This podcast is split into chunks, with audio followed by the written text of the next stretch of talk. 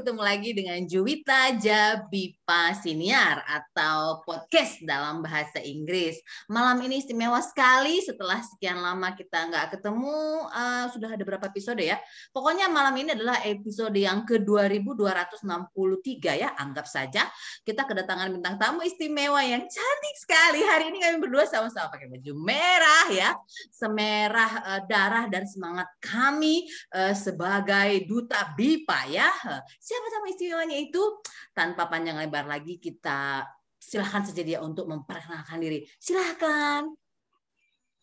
Ya, halo semuanya. ya, uh, perkenalkan saya Pertiani atau orang-orang biasa manggil saya Perti. Saya salah satu uh, militan BIPA ya atau pejuang BIPA. Iya, saya um, biasanya saya aktif mengajar BIPA di lembaga kursus juga di pusat bahasa universitas. Baik. Itu kegiatan saya. Saya pernah dikirim ke uh, beberapa dua dua negara juga untuk mengajarkan bahasa Indonesia. Oke, nanti kita akan ngomong panjang lebar lagi tentang ke beberapa negara itu ya. Uh, tapi sebelumnya nih, ini kan tampaknya malam ini cerah sekali ya. Tapi memang para pendengar uh, Juwita Jabi Pasiniar, saya memang belum begitu lama mengenal uh, bintang tamu istimewa kita kali ini. Tapi saya dari perkenalan pertama saja sudah cukup terkesan. Pertama dengan keramahannya dan senyumnya gitu. Kemudian kami menekuni ataupun mencintai bidang yang sama, yaitu BIPA, Bahasa Indonesia bagi penutur asing. Nah, sebelum kita ngobrol panjang lebar nih tentang apa itu BIPA-nya yang sudah ditekuni oleh bintang tamu kita ini, Mbak Perti. Ini saya panggil Mbak, Tante, atau Ses, Jeng, atau Teh? Bagusnya uh, asal jangan asal jangan ibu ya. Enggak ya, Mbak aja ya. Oke. Okay. uh, aku mau nanya dong, uh, seminggu ini lagu apa yang sering didengar dari handphonenya? Lagu ya, Hmm, karena dua hari ini selalu hujan. Oke. Okay. Jadi tinggalnya di Bogor uh, ya? Iya di Bogor. Jadi agak-agak uh, kemayu ya hatinya sedikit. Oke. Okay. Agak kemayu. Lagu apa yang sering didengar? Titik uh, hujan. Bukannya nggak cinta sama Indonesia ya, uh, hmm. tapi kebetulan memang lagu ini yang menjadi uh, apa list lagu, daftar lagu yang selalu saya putar dua hari ini. Uh, Halsey-nya uh, Me and uh, uh, I and His. I and His. I and Him. Yang nyanyi siapa itu? Roma Irama? Bukan. Itu penyanyi Halsey. Halsey. Yang kayak gimana? Coba boleh referennya aja. Di saya. Oh. Coba. Coba, coba.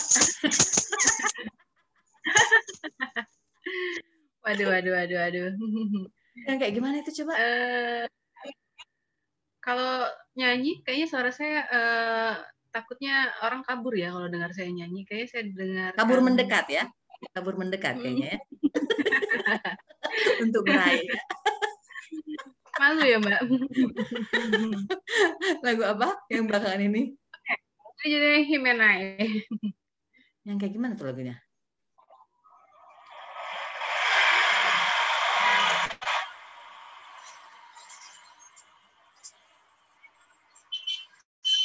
Iya, ada intronya. ada intronya. Sabar ya. Sabar. Cross my heart, hope to die to my lover. I never lie, to be true. I swear I'll try. In the end, it's him and I. He's got his head, I'm on my mind. We got that love, the crazy kind. I am his, and he is mine. In the end, it's him and I. Oke, okay. oke. Okay. Itu hubungannya dengan yang tadi sering hujan apa ya? Lagu perakiran cuaca. Uh, percuacaan hati mungkin ya, Mbak. Oh, cuaca hati. Oh, menarik nih soal hati ya. Iya. Gimana gimana? Coba cerita. Hmm. Kita santai aja ya. Gimana gimana kalau cuaca hatinya? Iya.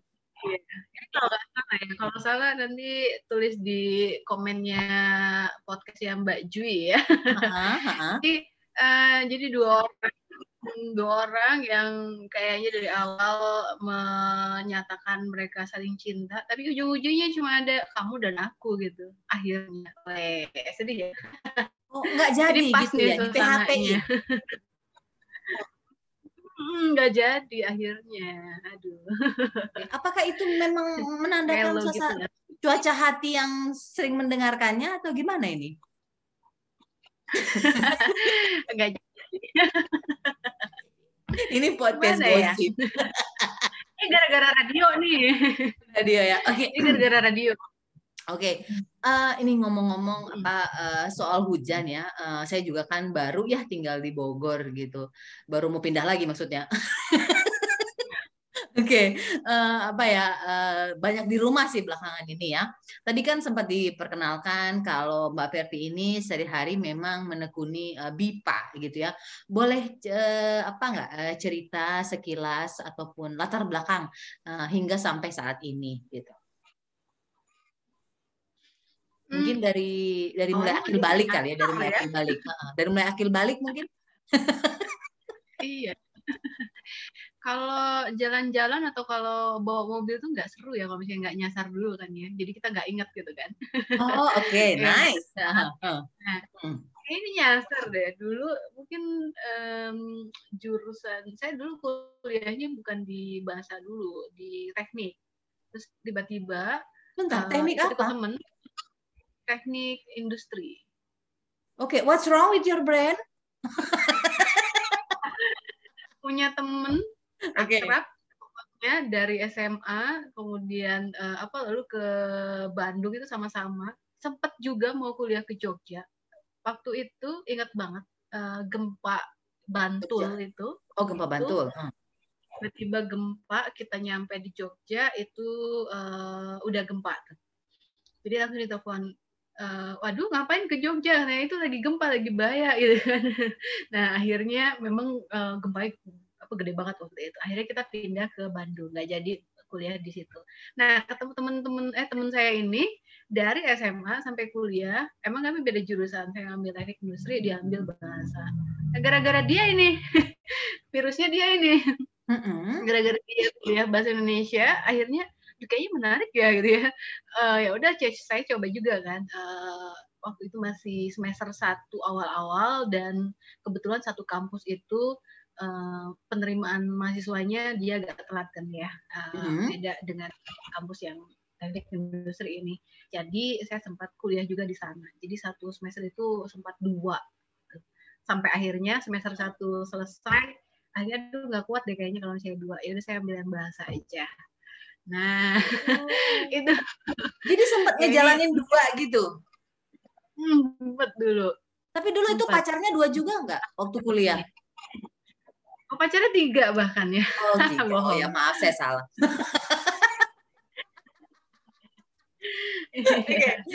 jadi dulu sempat nggak tahu dia pakai teknik apa jadi saya ikut-ikutan dia sampai lulus akhirnya 2010 eh, sempat ngajar di sekolah biasa sampai 2014 nah habis 2014 itu eh, saya ikut pelatihan tuh ketemu sama rekan-rekan saya yang sampai sekarang juga menjadi partner kerja ya. Mm-mm. Nah, ka- ketemu di pelatihan lalu saya dikontak tuh sama mereka eh mau nggak nih ada lowongan kerja nih di kampus ini ngajar BIPA saya nggak tahu apa-apa tentang BIPA saya cuma ikut pelatihan.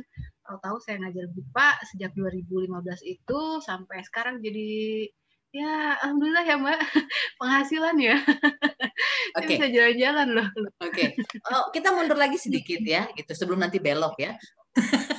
Oke, kita mundur dikit.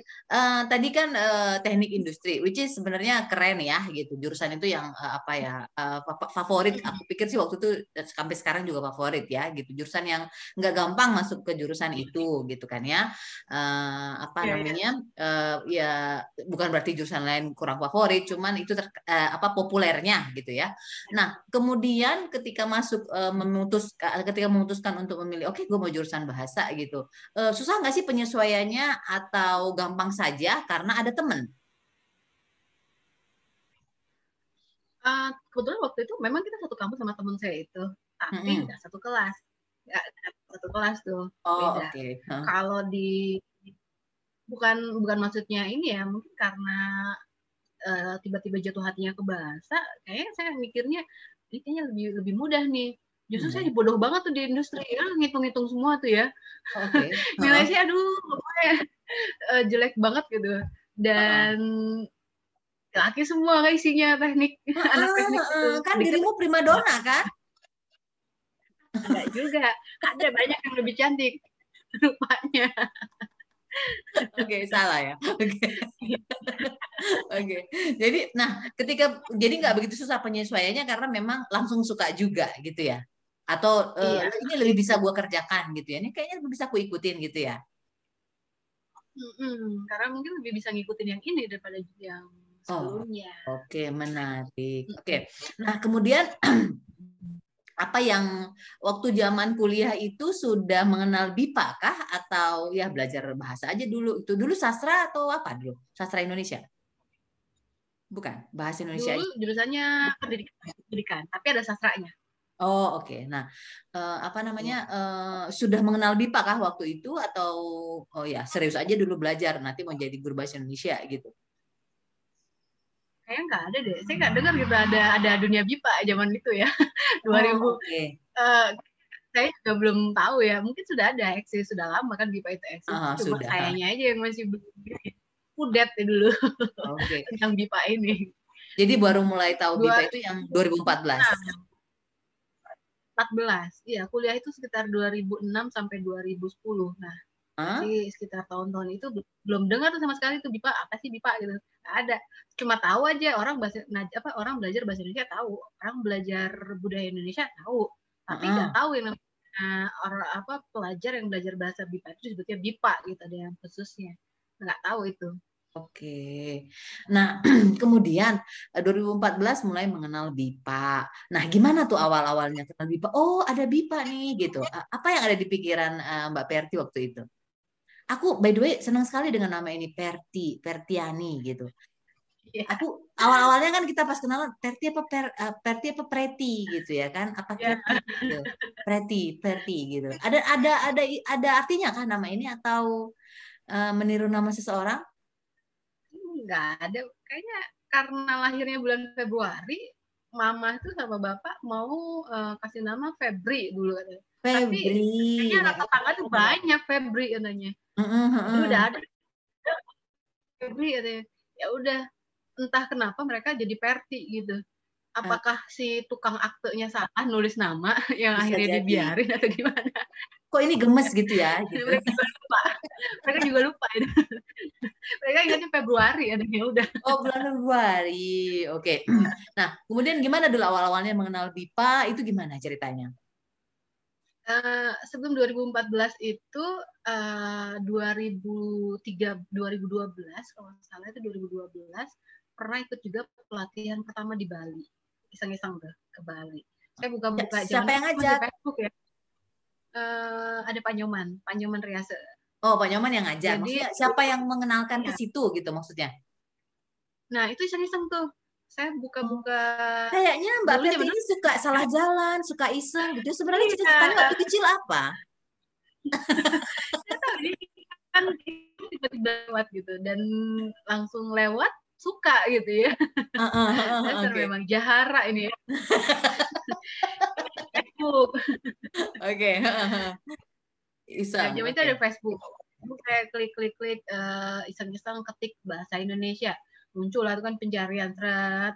Tiba-tiba ada eh, saya klik satu-satu satu-satu. Ini apa sih? Saya penasaran. Saya klik tuh. Oh, ada orang ini ya, ada orang luar yang banyak belajar bahasa Indonesia gitu ternyata ya. Oh, namanya ini ya gitu. Akhirnya saya nemu lah ada eh, komen-komen gitu kan. Saya suka bacain komen tuh, Mbak. Rahasia aja ya ini. Oh, oke. Iya iya, aku aku juga pernah ada punya temen yang dia hobi gitu dan itu em, gua aku amazed gitu kan. Ada ya orang baca komen bukan baca berita utamanya gitu loh. Oke, eh, terus lanjut. Nggak mau komen, tapi saya coba bacain komennya. Ah, ah, ah, gitu. Nah, eh, ada iklan gitu. eh, jadi ada pelatihan BIPA gitu. Saya penasaran nih apa ya pelatihan BIPA. Akhirnya saya klik eh, Facebooknya mereka gitu. Uh, terus ada iklan juga mereka mau ngadain pelatihannya bulan segini. Ternyata itu dulu mungkin masih sedikit ya orang yang tertarik itu. Mungkin masih karena itu di Bali waktu itu jadi mayoritasnya dari sana gitu orang-orang dari Bali. Kebetulan Bali juga memang uh, tujuan orang-orang asing ke sana kan ya. Gitu dulu ya. Nah saya ikutlah pelatihan itu sekitar 2012 atau 2013 nah udah lama saya lupain tuh. Habis pelatihan saya juga bingung kan di Bandung mau ngapain? Mana saya nggak ada kenalan bule sama sekali gitu kan. Atau orang asing gitu sama sekali. Mm-hmm. saya nggak ada ide mau ngajar siapa saya kan. Ya udahlah akhirnya saya lanjutin S2 saya tuh. Nah 2014 eh, itu Pak Nyoman yang dulu saya ikut pelatihan dia kontak saya. Eh, Mbak Perti ini ada ada pelatihan kedua nih. Jadi ada berseri gitu kan pelatihan. Level 2 ha, level level 2 nih katanya di sini. Kebetulan uh, mungkin karena dari kampus entah sponsor kampus atau apa, uh, jadi kita bayarnya ada subsidi gitu. Iya, Kayak beasiswa lah. Ya. Iya iya iya iya iya. Dari institusinya. Oh, ya. Uh, senang sekali ya namanya juga cewek modis ya modal diskon kan. Oke, okay. Aku enggak loh. Aku enggak. Aku enggak ya. Enggak. Langsung saya ambil kesempatan itu ketemu lah Bu Nick nih gitu kan dengan uh, Bu Selvi, Bu Amel di sana. Uh, setahun setelah ikut pelatihan di UMN itu, saya sebut mereknya ya. Ah, ah, ah, nggak apa-apa, nggak apa-apa. Ya, boleh. Ditelepon uh, karena kan biasa lah di pelatihan kita ada grup atau tukeran nomor gitu ya. Uh-uh. Nah, uh, ditanya ada lowongan nih mau nggak kata gitu kan oh boleh boleh. Kebetulan saya juga emang lagi uh, abis resign gitu dari sekolah gitu kan. Saya guru sekolah SD dulu sekolah SD hmm. Ya udah saya ke sana ikut tes masuk Nah, sejak 2004 eh 2015 itulah saya jadi ini nih dosen. Wah, sampai sekarang. Oh, iya. Oke, okay. baik, menarik sekali ya. Karena uh, ini uh, mungkin uh, jadi para pendengar Juita Jabi Siniar, uh, perkenalan saya dengan uh, Mbak Perti ini memang kemarin belum sempat uh, banyak curhat ya, karena memang di acara kita waktu itu kita mereview materi uh, pengajaran BIPA uh, apa namanya sibuk sekali ya gitu. Jadi kita nggak ada waktu buat ya. uh, hahahi atau tukar informasi ya. Nah ternyata kita tahu nih gitu uh, saya dengan Mbak Perti sama nih uh, apa alumninya angka level 1 BIPA itu dengan Pak Nyoman. Uh, cuma saya waktu itu di uh, Unair uh, itunya pelatihannya. Hmm. Tapi saya juga tapi kalau saya waktu itu niat ya, maksudnya niatnya mesti gini nyari gitu. Katanya Pak Nyoman itu paling keren gitu kan. Maksudnya paling keren dalam artian dia pionir lah gitu, legend lah untuk uh, pengajaran BIPA. Kemudian Bu Niknik. Bu Niknik itu legend untuk materi uh, BIPA gitu. Beliau itu yang pertama bikin gitu, yang untuk bikin modul-modulnya gitu. Jadi saya nyari gitu. Baik, kemudian hmm, akhirnya kan ini kan tadi salah jalan uh, iseng kemudian tapi dijalanin gitu tekun. Nggak nggak biasa kan kalau orang iseng kan ah, udah ah gitu cuma sekedar tahu. Ini kan kayaknya ditekunin terus. Pada dasarnya memang uh, karakternya begitu atau memang menemukan oh iya bagus nih uh, apa uh, aku mantep nih di sini gitu? Atau gimana nih? Karena aku aku meragukan jujur. gitu. Aku meragukan gitu? Kalau boleh jujur ya mbak ya. nggak ngerti ya. Ini kalau boleh jujur semakin mau ditinggalin justru kerjaan ini nih yang justru uh, yang apa selalu terbuka gitu. Tiba-tiba saya mau keluar nih ah udahlah mau cari coba yang lain. Eh tiba-tiba ada yang telepon ada yang uh, eh ada kerjaannya di sini eh ada ini di sini gitu. Ya udah jadi narik lagi padahal udah mau istilahnya mau putus nih balikan lagi gitu. Kayak nggak bisa move on gitu dari si ini yang pacar ini gitu. Oh tapi in daily basis gitu uh, uh, do you enjoy? I mean like this is something that make you exciting gitu atau ya aku tahu lah ya uh, ada up and downnya juga semua bidang ya mau sesuka apa pun kita gitu uh, atau gimana gitu. Aku penasaran sekali. Aku mau nanya aku mau nanya terus ya pasti pasti. Uh, bosennya itu bukan bukan karena bosennya ini ya. Kalau untuk pekerjaannya uh, saya sih ya saya jujur aja ya maksudnya tipe tipe orang yang kalau memang udah dikasih kerjaan ya saya jalanin benar-benar saya tanggung jawab gitu. Hmm. nah uh, uh, tahu sendiri ya misalnya ngajar dunia BIPA ini nggak orangnya itu itu aja gitu. Ketemu sama orang baru ketemu sama uh, karakter yang baru pasti kan.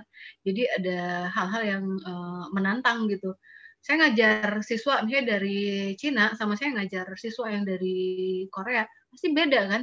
Mereka mm-hmm, juga tujuan ajarannya juga beda kan? Jadi saya harus punya jurus jitu nih gimana sih cara ngajar dia atau ngajar yang ini dan ngajar yang ini pasti beda-beda. Jadi gunain otak juga jadi mikir oh, apa nih ya yang pas nih?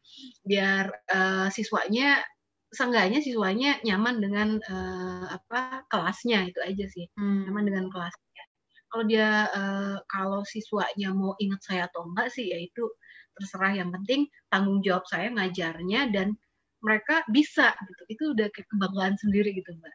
Oke, baik. Menarik ya. Uh, ini mungkin akan saya contoh dan mungkin juga bisa dicontoh teman-teman yang lain yang juga mendengar ini. Karena iya karena ada beberapa orang uh, saya misalnya gitu ya uh, contoh apa uh, pengalaman pertama bekerja profesional itu ya bekerja saja gitu. I mean like uh, ya aku dibayarnya mau ngapain sih? Gitu. Nggak yang uh, I give all my heart gitu. Nggak gitu-gitu banget gitu. Tapi benar-benar profesional gitu. Nah di BIPA ini aku menemukan itu gitu. Oh apa namanya uh, aku harus do something nih gitu. Beda soulnya beda gitu. Uh, itu sih, oke. Okay. Baik, kemudian tadi disebutkan kita ngomongin sekarang pengalaman mengajar uh, BIPA di luar ataupun menjadi duta bahasa negara. Itu ke mana saja tadi? Ke Praha pertama itu 2018 ke Rusia, ke Kazan. Oh, Kazan. Kazan. Uh-huh. Kazan. Ya, Kazan. Jadi Kazan, Kazan itu apa? Uh, Republik Tatarstan tapi di bawah uh, kekuasaan Rusia ya. Jadi kayak mereka kayak Amerika gitu kan ada banyak ada negara bagian. bagian ya. Ah. Huh. Hmm. Uh, dia ini juga sama uh, dia menyatunya dengan Rusia, tapi mereka punya ini sendiri ya, hak sendiri untuk mengatur negaranya gitu. Mm -hmm. Nah, uh, eh, 2020 nih pas COVID lagi menggila di dunia, itu saya lagi di Polandia, Mbak. Polandia. lagi tugasin tuh di Warsawa. nah, apa nih yang pengalaman-pengalaman unik dari kedua tempat itu di Kazan sama di Polandia di Praha ya di Kazan kalau di Kazan uh, bedanya sama di Warsawa. Oh, Warsawa, sorry. Jauh nih beda. Warsawa.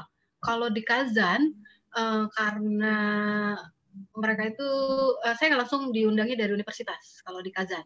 Jadi saya diminta bantuannya untuk mengajar uh, ada dua tingkat yang sudah berjalan gitu ya. Mereka baru tuh ada bahasa Indonesia-nya. Uh, nah ada dua tingkat. Jadi uh, mereka jurusan HI, HI itu uh, mereka wajib ada mata kuliah wajib yang ngambil apa bahasa Asia Afrika. Ya seperti kita tahu ya bahasa Asia yang populer itu kan Korea, Jepang, Mandarin. Mandarin. Sebenarnya ini mereka ini lemparan nih. Ya, tiga top bahasa Asia ini udah penuh akhirnya mereka dilempar kelas bahasa Indonesia. Nah tantangannya ini enggak justru yang di Kazan ini beratnya itu saya masuk kelas saya nggak tahu apa-apa gitu kan.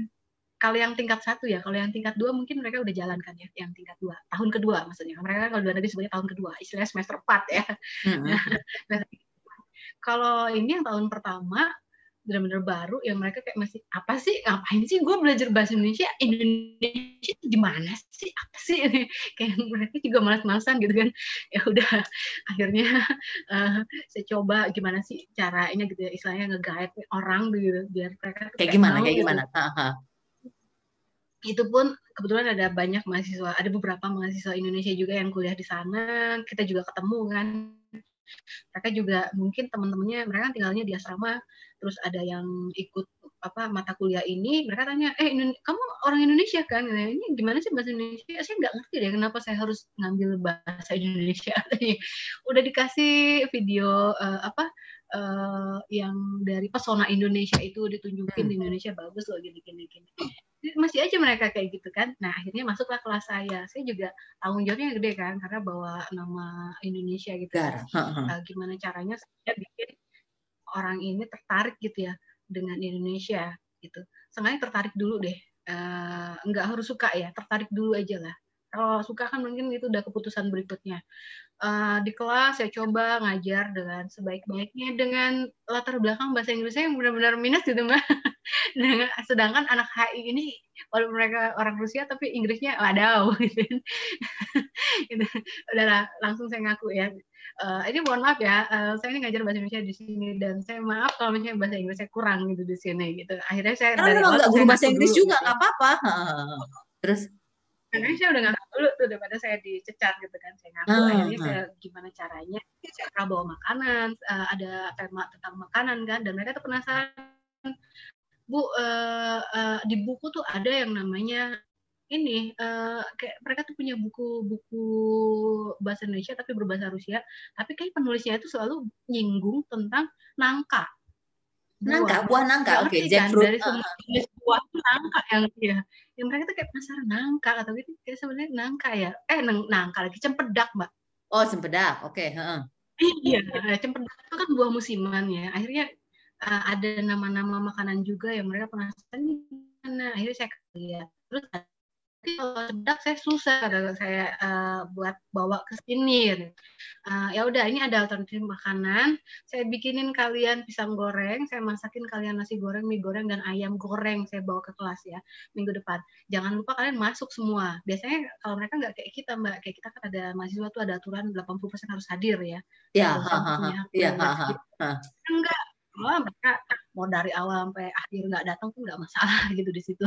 Pokoknya ujian bisa gitu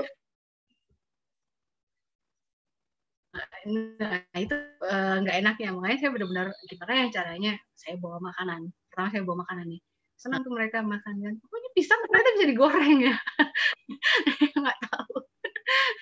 Terus saya bawa tuh Nutella. Enak ternyata ya. Saya pikir pisang tuh cuma makannya begini doang. Ya itu baru satu jenis pisang yang saya goreng di sini. Karena kan susah kalau di sana cuma satu jenis pisang cuma makan doang. Kalau di Indonesia banyak kata saya. Harusnya pisangnya jenisnya ini yang digoreng. Terus saya bawa mie goreng saya bawa nasi goreng mereka suka gitu kan. Hmm, udah terkeluar kan virus-virus micinnya. Oke okay. jadi pendekatan kuliner berhasil untuk uh, merontokkan apa ya uh, apa nama apa namanya kesan kalau bahasa Indonesia itu ya gimana lah gitu ya karena memang kan sebenarnya ya. uh, apa uh, saya saya sangat yakin lah ya uh, Badan Bahasa memilih Mbak Perti hmm. untuk menjadi duta bahasa negara memang sudah diakui kemampuannya untuk mengajarkan bahasa Indonesia tapi memang ada apa ya ada ada hal lain ya culture ataupun budaya yang kita harus apa ya rontokkan apa runtuhkan ya. gitu supaya kita bisa masuk gitu ya nah kemudian uh, uh, ada ini enggak uh, pembekalan pembekalan ataupun membekali diri dengan mempelajari bahasanya mereka. Mereka pakai bahasa Rusia juga kah atau ada bahasa yang uh, nasionalnya mereka, bahasa Kazan itu? Bahasa Rusia. Ada sih oh. uh, mereka Rusianya ada Rusia Tatar, Tatarstan karena itu kan Tatarstan. Uh, tapi sebenarnya bahasa sama. Mereka kayak punya dua bahasa kayak kita lah ya. Misalnya orang Medan, dia pakai bahasa Batak sama bahasa uh, Indonesia pastinya kan semua orang pasti bahasa Indonesia. Nah kayak gitu juga oh. mereka mereka punya bahasa sendiri kan, tapi kayak mayoritasnya tetap aja mereka pakai bahasa nasionalnya bahasa Rusia gitu. Oh oke. Okay. Nah uh, untuk latihannya ada uh, 2000 saya dikirimnya 2018 kalau nggak salah 2018 juga di awal-awal PPSDK itu bikin kan bikin program baru pelatihan atau pembekalan bahasa untuk pengajar BIPA. Nah, karena udah tahu nih di plot-plot kan saya mau dikirimnya ke sini. Memang ada yang beda ya. Dia udah belajar bahasa apa, tiba-tiba dikirimnya ke mana itu ada. Tapi saya. untungnya saya, saya aku terus ya. saya kebetulan uh, dapatnya memang dari uh, apa bahasa Rusia. Cuma masih beda, masih bingung aja antara Moskow sama Kazan. Kazan ini pertama banget nih waktu itu. Oh, oke. Okay. Jadi uh, menarik nih. Hmm. Sekarang masih ada nggak uh, pelajaran bahasa Indonesia dipelajari di sana? Di Moskow masih. Kalau di Kazannya sendiri itu karena mungkin terkendala visa, pengurusan visa. Saya itu bermasalah banget. Waduh Mbak, ceritanya panjang deh. Nggak oh. ada ya. Ngurus visa itu karena mungkin karena mereka baru ya. Kalau di Moskow itu udah tersistem. Jadi dia udah tahu nih, guru datang, guru datang, uh, misalnya visa di Rusia itu kan tiga bulan dulu per okay. tiga bulan di uh -uh. 90 hari uh -uh. 90 hari beres baru bisa diperpanjang. Oke. Okay. Nah, jadi mereka tuh kayak udah ancer-ancer kan. Oh ini udah mau habis nih dia. Jadi dua Hmm. bulan sebelum bulan nyampe udah langsung tuh "Eh, Bu visanya ya atau pasportnya serahin ke kami, kami mau urus kalau yang di Moskow karena memang dari kampusnya orang kampus yang ngurus. Kalau di Kazan ini karena ini baru juga, jadi kayak gurunya yang request ke kampus, jadi kata kampus ya udah kamu urusin semua mungkin ke gurunya. Jadi gurunya karena gurunya nggak kebiasa ya nggak terbiasa dengan ngurus segala macam, dia juga bingung. Waktu itu masa perpanjang visa saya cuma seminggu sebelum, sebenarnya saya udah kasih tahu Pak ini udah mau habis tuh visanya Pak, gitu. Hmm, udah mau habis nih visanya. Oh ya ya ya ya. Saya pikir saya udah kasih kopi visa segala macam tuh udah mau diurus. Ternyata eh, sekitar berapa hari dia nanya, "Eh, Bu Perti ini berapa hari lagi ya visamu? Kayak gitu tanya. Pak, saya pikir udah diurus ini udah mepet nih. Akhirnya Mbak perjuangannya itu saya terancam dideportasi karena memang kan agak Rusia agak keras ya. Heeh. Dan kampus kayak kita kan, jadi kayak orang eh, fakultasnya itu nggak mau tahu ya udah ini kan memang gurunya gitu yang request kan kamu gitu yang ngurusin gitu. Nah biasanya biasanya tuh fakultasnya harusnya yang ngurus kan. Nah, itu agak ter ini visa mungkin gara-gara itulah eh, sampai sekarang agak susah mau datangin guru ke sana. Oke, ada konsulat kah di sana atau ke Moskow Ke ngurusnya? Moskow. Moskow. Oh, oke. Visa saya ya waktu itu. Visa saya. ah. Iya, Saya langsung langsung diurusnya di sana di Kazan itu. iya, I know. datangnya ke, ke imigrasi itu. Iya, ah, maksudnya in- Indonesia ada perwakilannya kah di sana, Ah, kayak konsulat atau ya konsulat enggak ada. Jadi semuanya dari Kazan diurus ke Moskow. Enggak. Jadi langsung seingat saya waktu itu eh, untuk perpanjangan visa saya ya, perpanjangan visa saya bukan undangannya ya. Kalau undangannya Ah, ah, memang ah. di kalau undangannya si guru yang dari Kazan ini tadi dari kampus Kazan ini dia mintanya ke KBRI KBRI di Undangannya. Moskow. di Moskow. Tapi kalau Oke. perpanjangan visa saya ini pribadi langsung diurus dari si saya ngikutin bapak ini ke imigrasinya Rusia Kazan, Kazan terus saya urus di segala macam. Dan itu kan harus dari kampus segala macam. Dan ini ada lagi mbak syaratnya. Kayak cuma saya mungkin ya yang satu-satunya. Saya nggak tahu nih ya pengajar lain. Kayak cuma saya ngurus visa yang dia syaratnya minta medical check up lengkap. Jujur sampai ke bagian mm, Miss V saya pun dicek. Oh, oke. Full medical check up ya. Oke. Hmm, hmm, hmm, hmm, hmm. Oke. Itu, aduh. Hmm. ya itu. Untungnya kamu nggak ada kelainan ya. Eh, saya harus dibuka pasti itu. periksa aduh, gitu kan. Oh ini nggak bisa nih udelnya dua gitu. Enggak ya? Dan lucunya lagi karena rumah sakitnya itu mereka nggak bisa bahasa Inggris kan akhirnya ada guru itu dan minta satu muridnya satu siswa kita yang dia bisa bahasa Inggris juga pasti eh, nemenin saya cewek. Padahal saya udah bilang ada nih orang Indonesia. Kayaknya saya lebih nyaman sama mahasiswa Indonesia ini gitu ya. Iya, akhirnya dia karena dosen ini udah ngajak siswa saya akhirnya dia ini nemenin saya masuk karena dia kan perempuan kan dia nemenin saya masuk. Bayangin mbak saya harus buka baju di depan dia gitu. Dokternya laki-laki perempuan? Eh, ada kalau yang kalau yang apa eh, apa sih eh, dokter kandungan itu perempuan pasti. Kalau yang dokter ada yang laki-laki tapi banyak kan perempuan sih. Kalau untuk yang buka baju tadi perempuan kebetulan. Seru. tapi dia kan duduk di sana. Dia Ah. duduk di sana ada ada dokter ada, ada perawatnya. Terus dia ngomong kan eh, dia ngomong ke siswa saya "Bu- eh, itu tolong minta buka bajunya. Ya udah. "Eh, bu buka bajunya ya dia bilang gitu. Oke. Terus saya tuh udah buka baju oh di sini. Ini kayak yang disaksiin oleh mereka gitu apa nggak di ruangan khusus gitu ya. Aduh ya udah. Saya nunggu lagi dengan keadaannya udah. Saya ada kertas yang saya tutupin saya Ini kamu sempat mikir gini kali ya, ini gue beneran mau uh, perpanjang visa atau apa apa audisi untuk uh, apa uh, Victoria Secret gitu ya? Gitu sempat mikir nggak? Iya. Aduh, itu bener-bener deh, Mbak.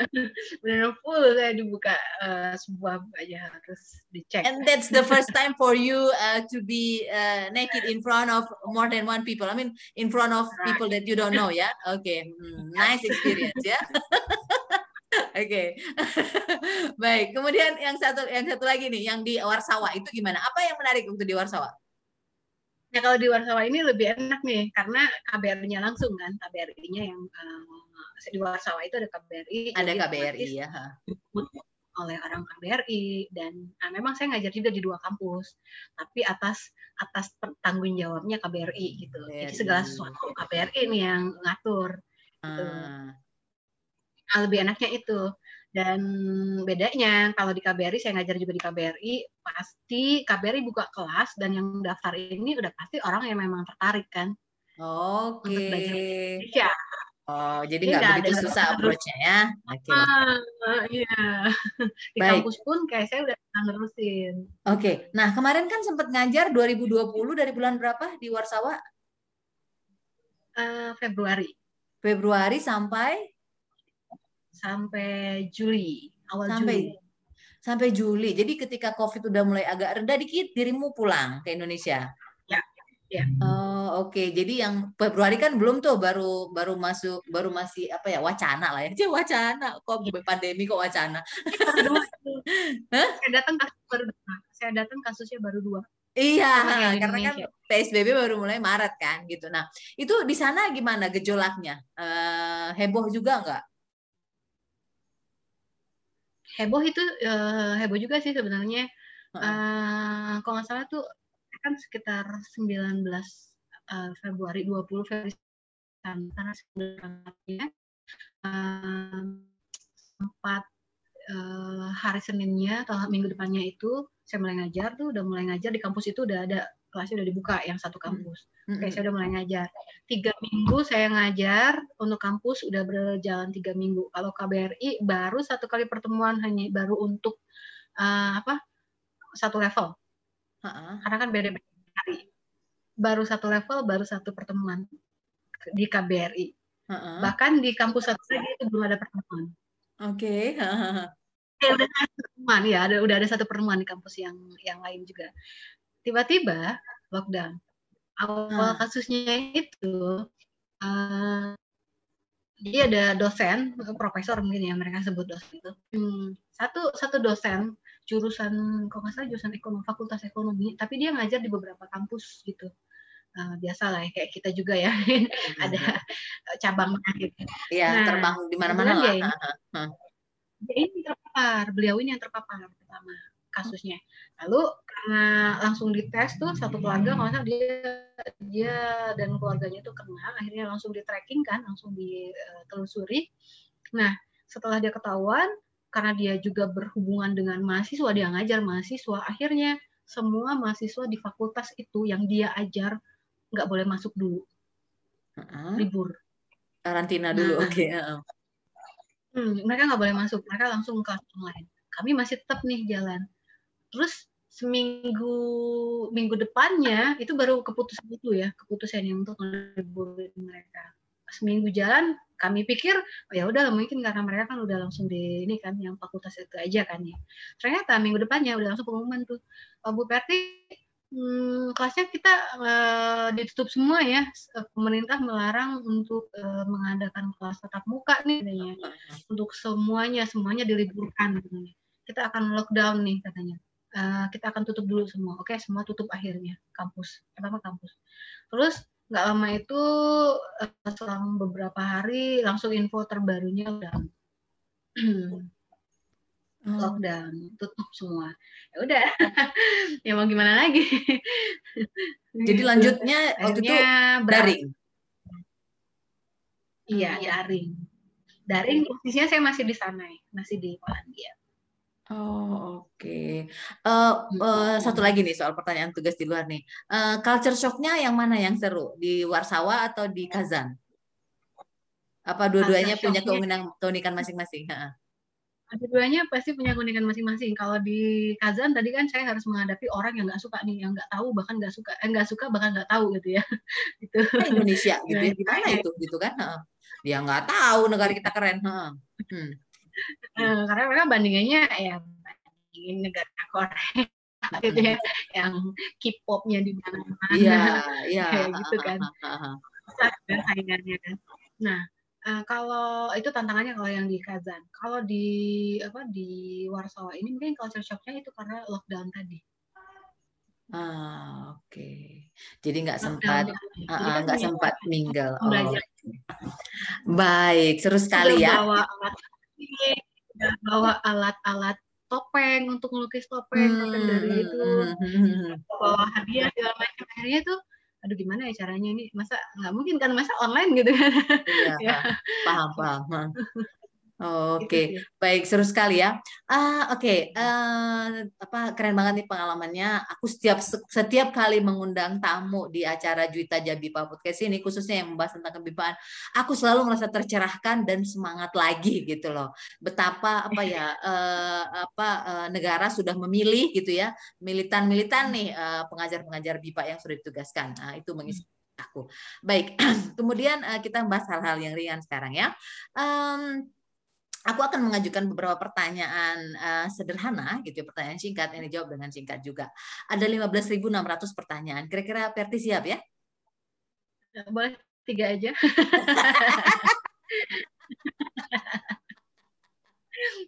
Oke. Oke. Oke kan. Eh, sebutkan nama pria yang pertama eh, pria asing yang pertama kali Perti taksir. Hmm, pria asing yang pertama kali saya taksir. Bukan selebriti ya, bukan selebriti crush ya. Bukan ya? Oke, siapa ya? Ada nggak sih? Ah, yang ada di otak aja ya. Iya. Eh, saya lupa namanya. Hmm, Dari negara mana? Dia namanya gitu deh. Hah? Ha- Hasan atau siapa saya lupa namanya. Hasan dari Al Al Alshan atau siapa saya lupa namanya. dari Ini saya negara. ketemunya di pesawat tuh Mbak. Oke, dari negara Dia dia dari Afghanistan tapi dia kebetulan eh, apa sekolah atau em, pelatihan di Kazan. Ketemunya di pesawat. Oh, oke. Masih komunikasi sampai sekarang? Hah? Enggak, enggak. Oke, baik. uh, Al, uh, Ketemu di pesawat. eh, uh-uh. dia ketemu tiba-tiba ketemu lagi gitu. oh, oke. Uh, podcast ini bisa didengar oleh seluruh dunia, gitu ya. Jadi mudah-mudahan kalau Aral tidak melintang atau memang ada um, hook, gitu ya, uh, kita tidak tahu. Uh, tolong dengarkan ini ya. Oke. Kemudian pertanyaan berikutnya. Ya. Hmm, hmm. Ya. Oke, Eh, kalau eh, eh, Mbak Pe- Mbak Perti ini eh, diberi kesempatan untuk bereinkarnasi, dirimu pengen lahir terlahir sebagai apa? Reinkarnasi ya. Aduh. Iya, Dia heeh. mau jadi apa ya? Hmm. Yang pasti saya nggak mau ngubah nama ya, Mbak. Nama saya udah unik gitu. Mau Betul. nemunya cuma satu itu aja gitu. Iya betul. Eh, diri saya lah. Dan tetap jadi diri sendiri. Oke, baik. Kalau dikasih kesempatan makan malam romantis dengan selebritis pria atau tokoh penting pria dari Indonesia maupun dari luar negeri, eh, kira-kira eh, Mbak Perti ini pengen makan malam romantis dengan siapa? Herjunot Ali. Herjunot Ali. Oh, oke. Baik Herjunot tolong ya diajak lah perempuan satu ini tolong diajak, diajak gitu. Oke. Sebutkan tiga nama binatang yang kentutnya Mbak Verti pernah dengar langsung. Aduh. Aduh. Aja. Kentutnya ya. Ya udah deh, sapi. Tapi lu pernah lu pernah dengar langsung? Enggak sih, eh ya bayangan aja yang terlintas kan, Oh, Mbak. oke. Berarti Namanya nggak ada ya? Nggak ada ya? Oke, kamu ternyata nggak penggemar pendengar kentut. Pertanyaan nggak penting. Tapi ini selalu aku tanyakan di setiap podcastku. Oke, berikutnya. Sebutkan lima sayur yang berwarna kuning yang populer dari Indonesia. Ada ya? Jagung, jagung, Jagung? jagung. Ya. heeh. Ini kan jagung sama sayur-sayur yang udah busuk tuh kan kuning semua warnanya. Oke, baiklah. Memang kamu anak nakal ya. Paprika, terong. Ada banyak ya. Oke. Sebutkan 10 kecamatan yang ada di Kabupaten Bogor. Taman Sari, Ciapus, Ciomas. 10. Ngasal. Taman Sari benar. Oh 10 ya ampun serius. Yes. Taman Sari, Ciapus, Ciomas, Cibinong kali. Terus apa ya? Aduh, apa ya? Hmm, Oke, Bisa waktunya nggak? habis. Oke. Ya. Baik, pertanyaan berikutnya ya. Eh, kalau misalnya Mbak Perti ini tiba-tiba ya diberikan hadiah lah ya oleh Badan Bahasa, anggaplah ya kita berdoa gitu ya, Eh, eh, eh, diberikan hadiah sebagai penghargaan Mbak Perti yang sudah cukup berdedikasi menjadi duta bahasa negara, pernah mengajar di eh, Warsawa dan di eh, Kazan. Eh, Mbak Perti diberi hadiah jalan-jalan keliling Amerika eh, gratis selama dua minggu ya, semua ditanggung gitu ya, sampai yang bawa tasnya juga ada gitu ya. Eh, Mbak Perti dikasih kesempatan eh, itu gratis dan mengajak satu orang. Kira-kira Mbak Perti akan mengajak siapa selain keluarga? Mbak Jui. Thank you. Oke, baiklah. Pertanyaan berikutnya. Sebutkan tiga nama dalam hidup Mbak Perti yang sering bikin Mbak Perti tertawa. Berapa nama? Tiga nama dalam kehidupan Mbak Perti yang sering bikin Mbak Perti tertawa. Tiga nama ya, oke. Hmm, dalam kehidupanmu. Eh, kayaknya dalam kehidupan aku ya. Juki. Terus Kayaknya eh, denger namanya aja udah lucu ya. Ya, Juki mungkin Monik kali ya. Terus satu lagi siapa ya? Oke, yang bikin ketawa. Oh, eh, Ani. Ani, oke. Kapan terakhir Mbak Perti nangis terseduh-seduh sampai terseduh gitu? Kapan terakhir nangis? Kemarin, Mbak. Oh kemarin. Oke, baiklah. Aku nggak tanya kenapa karena memang banyak kesedihan belakangan. ini. Baca novel, baca novel sedih Oh oke. Bagaimana gimana jadi kenyataan ya? Oke. Oke. Ini pertanyaan terakhir ya. Eh, apa nasihat eh, yang menarik atau nasihat penting yang Mbak Perti pernah eh, terima dari siapa pun itu, yang kemudian Mbak Perti juga sering bagikan ke orang lain? Nasehat. Hmm. Ini yang paling ingat ya. Mungkin eh, banyak orang eh, ada ada kayak ibu saya tuh ngomong eh, ya udahlah kamu lakuin aja gitu sesuatu nggak usah nggak usah perlu banget orang-orang untuk apresiasi atau show up mungkin ya pamer yang Mm-mm. penting kamu udah ngelakuin kerjaannya dengan benar nggak perlu dipandang orang dipandang orang kamu eh, baik atau enggak yang penting kamu kerjaan kamu tuh benar gitu itu aja sih Oke, dan itu sering diberikan ke orang lain ya. Aku setuju. Oke, baik. Mbak Perti, terima Iya, iya. kasih banyak. Ya.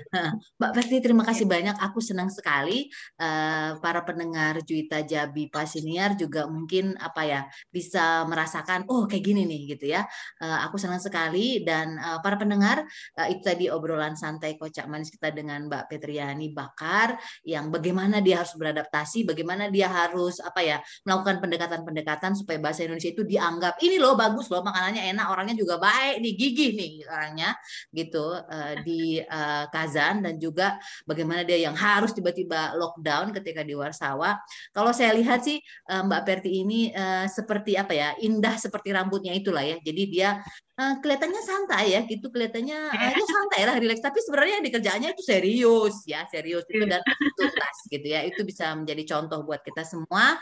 Terima kasih banyak Mbak Perti. Sehat-sehat terus semangat terus. Apa ya mudah-mudahan eh, komunikasi kita juga ini sudah semakin baik gitu ya. Semoga ada pertemuan demi pertemuan dan mungkin ada kerjasama dengan kerjasama yang bisa kita jalin lebih baik lagi. Sehat terus ya Mbak ya. Makasih banyak baik Eh, para pendengar Yuta Jabipa, terima kasih banyak atas waktu dan kesempatannya. Semoga apa yang tadi kita obrolkan bersama bisa memberikan satu informasi, baik itu hiburan atau apa pun itu yang bisa memberikan manfaat untuk kita semua. Terima kasih banyak.